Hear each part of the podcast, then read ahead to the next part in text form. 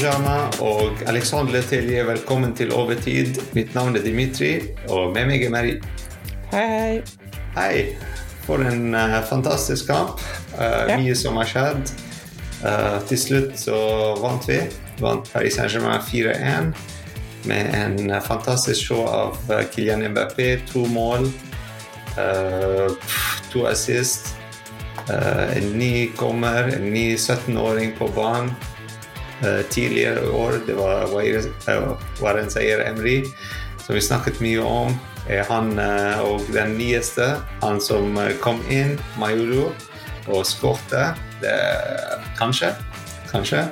Kanskje. Um, men ja, la oss snakke om kampen. Let's go. Så 16-delsfinalen, det var mot Orléans, borte.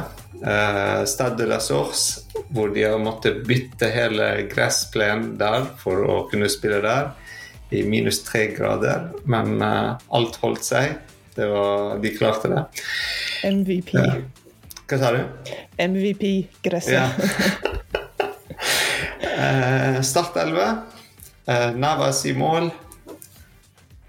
Soler som høyre back-ish. Eller, han var der på banen. Ja. Han har gjort litt. Fikk ballen et par ganger. Og så Marquinhos kaptein. Danilo Pereira bak med Beraldo uh, nyeste spiller vi har kjøpt uh, i januar. Uh, midtbanen Vitinia Ruiz Jeg vet ikke hvordan midtbanen var, med Ascencio, Vitinia. Fremme det var Mbappé, Colomoni og Ramos.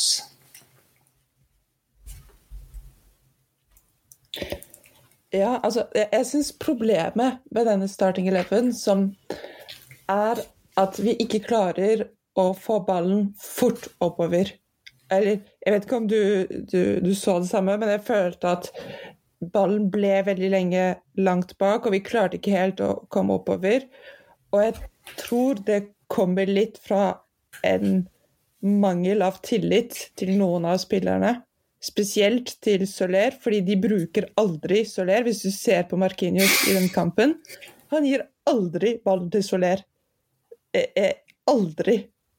Og, og, jeg skjønner det, fordi hvis du setter deg i Marquinhos sin sko, så tenker du én, sannsynligheten for at, Markin, at uh, Soler taper ballen er høy. Og hvis han gjør det, så har vi én forsvarer mindre, fordi den forsvaren som skulle hjulpet til, er selve Soler.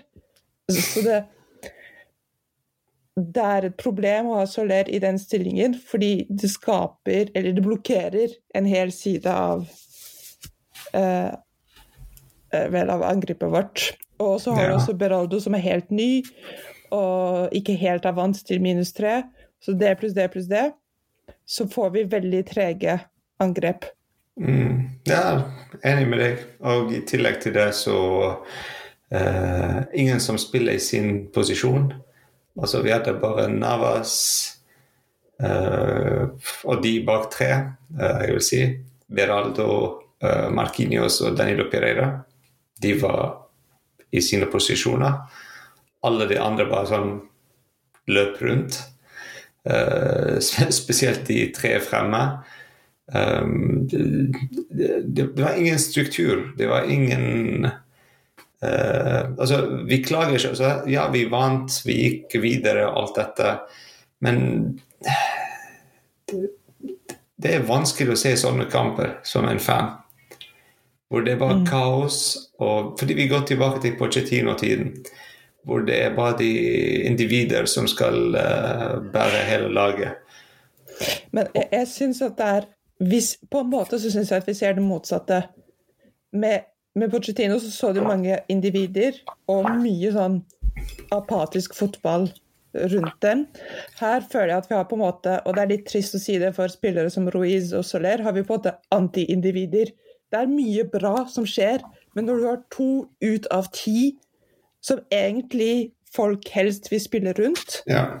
så blir ting kaotisk. Fordi det er, eller det er en riktig måte å spille fotball på. Mm. Og når du har to spillere som okkuperer en stilling som på en måte blir sånn dødområder hvor ingenting mm. skjer, så, så, så kan ikke Ascencio stå og bare vente på at ting skjer. Fordi hvis Ja. Soler ikke får ballen, så får ikke Ascencio ballen. Så han flytter Mm. på seg.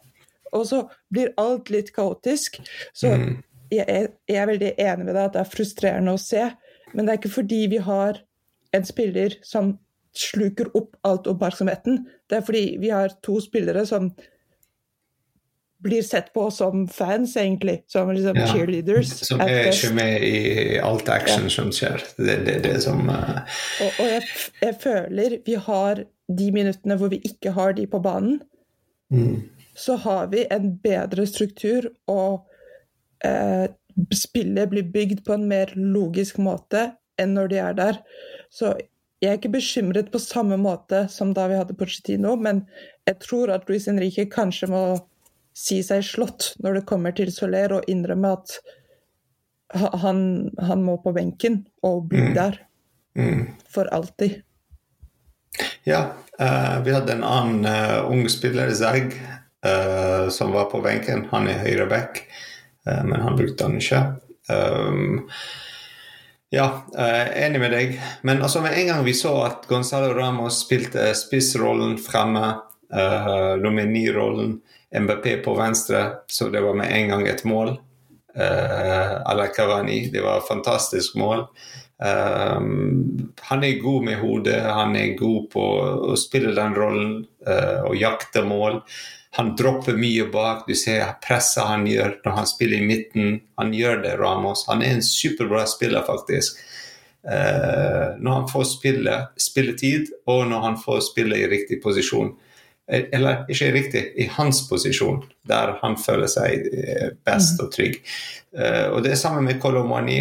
Uh, ofte han spilte med Frankrike, med landslaget i Frankrike, så på høyresiden. Og nå vi ser han som en ekstrem venstre eh, kant. litt som Dembélé på høyresiden, altså helt på, sånn, på linjen. og det er ikke sånn hans naturlige posisjon. Sant? Altså, også MBP også tar litt av den venstre siden, og han spiller som spiss og venstre. Så blir det sånn han og Kolomani på venstre, og så hele høyre helt åpent, så det er no Ramos som må dekke et veldig stort område. Og vi må ikke glemme at på høyre siden òg du har Soler, som du sier, som klarer ikke å ikke, uh, finne rollen hans på en måte. Uh, jeg tror han, jeg leste en artikkel et eller annet sted hvor han har spilt i syv roller hittil, siden han signerte med PSG. Så ja, det er vanskelig for spillere å bytte, selv om de er profesjonelle og alt. Men de er profesjonelle fordi de, de er gode på å gjøre den tingen de er gode på i den posisjonen de spiller i. Du har sånn et par spillere som du kan nevne på én hånd, kanskje, eller to hender, som kan i hele verden, som kan spille i forskjellige roller og sånt. Uh, uansett hvor du setter dem, så de klarer seg. Uh, Zaire Emri er kanskje en av de, men, men Soler er tydelig ikke en av de. Men, men jeg syns det er viktig å peke at det er veldig få spillere som kan være veldig flinke i flere stillinger. Mm. Men det er en del spillere som kan, som kan gjøre noe bra i flere Ja, ja. stillinger. Hvis du Ja. ser på Kolomoni, han er ikke i sin naturlige stilling i kveld, men han gjør bra ting.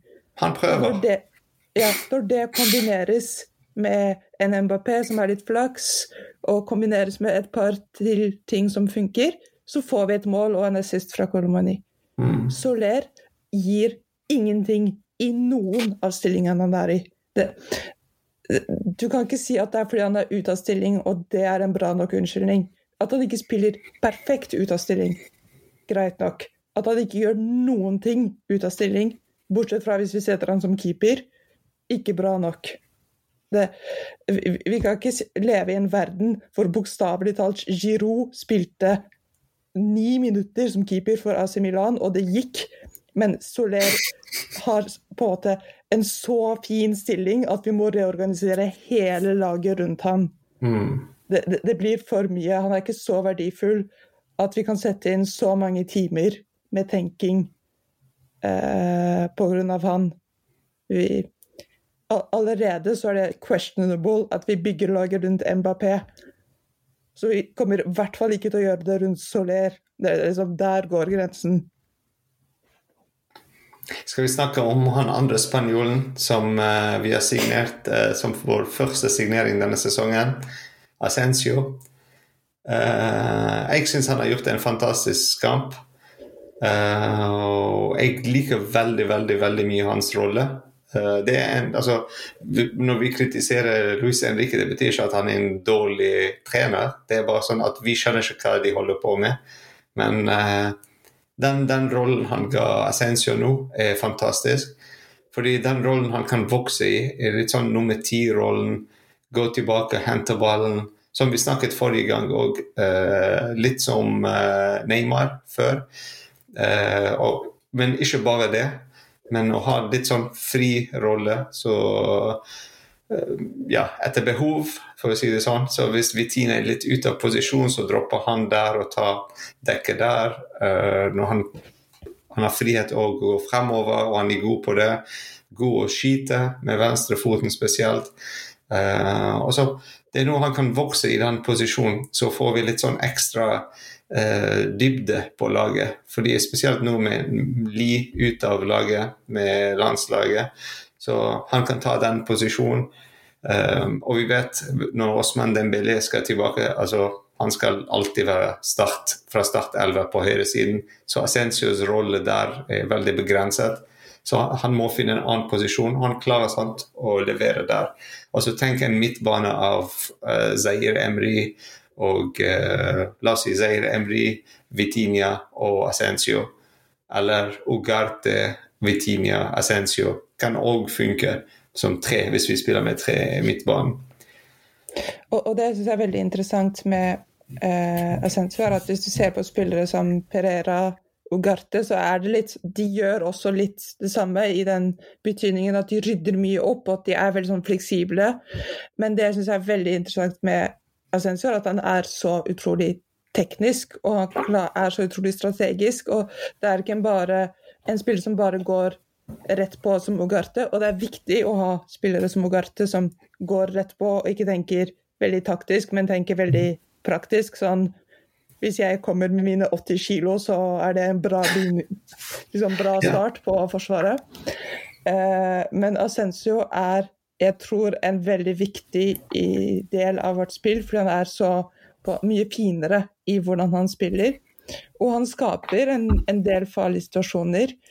Og igjen, vi er i en litt ubalansert modell akkurat nå, så fun alt funket ikke. Men det er definitivt potensial for å ha ja, en sterk nummer ti i, i Ascencio. Jepp. Skal vi snakke om han eh, Mayolo og hans uh, impact på kampen? Han kommer inn, uh, kom ni minutter, så skårer han jeg, jeg, jeg syns at vi, vi, kan ta Etan MBP og Mayolo i samme sleng. De gjør en kjempebra entrance, begge to. Veldig impactful. Mm. Alt vi har drømt om Soler, gjorde de. Ja, Bare komme inn, gjøre en bra ni minutter. Det er ikke mm. verdens ende ikke sant, å spille ni bra minutter mot Orléans, men de gjør det. Det er clean. Ha det bra. Mm Veldig sånn enkelt og rolig. Jeg synes Det er kjempekult av MBP å gi den pasningen, fordi hadde han en sjanse for å skåre igjen, men uh, velger å være en team player, som jeg syns er kjempekult. Og mm. jeg håper virkelig at vi beholder disse profilene i vår starting eleven, og at kanskje de hjelper, hjelper oss det er kanskje slemt å si, men hjelper oss med å pushe ut litt uønskede profiler. Ja, Altså MBP har skåret i seks siste kamper nå. Så mm. det er fantastisk og rekord der uh, for Men, han. Jeg, jeg, så hans uh, Coupe de France-statistikk som for alle Coupe de France-kampene hans, og det er bare helt ulovlig å, å ha. Han 27 kamper, 34 mål og 14 assists. Det, det, ja, han, han, er jo fantastisk. Han, han, altså, han, var, han var superbra spiller i dag. Ja. definitivt eh, veldig bra spiller. Og selv om jeg er superfornøyd med å ha Marquinhos som kaptein, og står ved den avgjørelsen 100 så ser jeg absolutt hva folk mener når de sier at MBP kan være kaptein. Fordi han har den mentaliteten og den personligheten. Barkinios er kapteinen, men eh, Kanskje neste hvis, sesong, Mary. Kanskje. Men, ja. ja. altså Gonzalo Ramos Eh, han har vært ute veldig lenge. Han var skadet, eller han var syk. Han fikk -hmm. en virus mens han var på ferie i uh, Portugal. Mm -hmm. uh, og han var lagt på sykehuset der i Portugal. Og PSG samarbeidet med Benfica for at mm -hmm. de skal passe på han mens han var der. Uh, og få sånne rapporter fra de sånn, på hvordan det går med han og alt dette. Så det var veldig kult at to klubber samarbeider sånn, for å uh, Sikkert de fikk betalt for det, men uh, det er fortsatt kult at det er lag som samarbeider sammen når en spiller er syk i et annet land. det var veldig kult. men ja, men det var ikke veldig kult for han. For Gonzalo Ramos var veldig, han var veldig dårlig. Og så gikk ned seks kilo mens han var syk. og det er derfor det var grunnen at han kunne ikke spille andre kamper. Når vi alltid lurte på hvorfor han fikk ikke lov å spille, selv om han var på benken i begynnelsen av året. Uh, han kunne ikke spille. Så han var bare sånn en innbytter hvis vi trengte han. Men han kunne ikke starte eller spille sånn 90 minutter. Så det er bra å se han tilbake, og spesielt med et mål, selv om det er mot Orléans. Men det, det, det, er et mål. Det er noe som gir han litt sånn push for å komme tilbake. Og, og jeg synes det er et mål Det er noen mål hvor du ser, og så tenker du at dette her er fordi vi spiller mot Orléans. Det hadde aldri gått mot et bra lag. Den headeren, den hadde gått mot mange keepere. Kanskje en bedre keeper hadde gjort bedre, hvem vet. Men det er ikke garantert at den ikke gikk inn mot en mm. bedre keeper.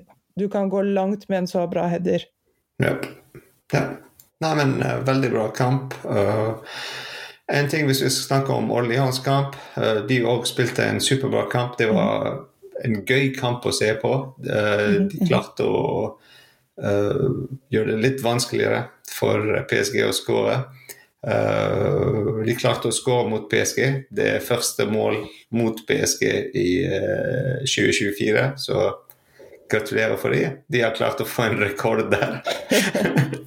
Så ja, men vi er videre til neste runde. Og uh, i går det var Lyon òg som gikk videre, så det er fortsatt noen lag der fra ligaen. Uh, sikkert det blir flere i morgen òg. Og uh, trekningen blir i morgen.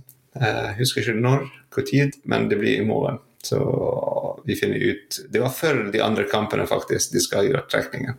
Oh, ja, ok. Så, mm. er... så, vi finner ut uh, hvem de spiller mot. Altså, ja. Potensielt. Potensielt. Så, ja. Og i morgen så har vi renn mot Marseille, så hvis dere ønsker å støtte renn, så, så er det bare å tune inn på ja, Vi støtter ikke renn, vi støtter at Marseille skal tape. Ja. vi støtter dommeren til å gi renn straffe. Men ja, uh, bra kveld. Gøy. Mhm. Det var gøy å se PSG spille på en lørdag, for bare for en uh, liten uh, Ja. Fordi det er vanskelig å se søndagskamper så seint og stå opp dagen etter. Så ja, uh, det er fantastisk på en lørdag.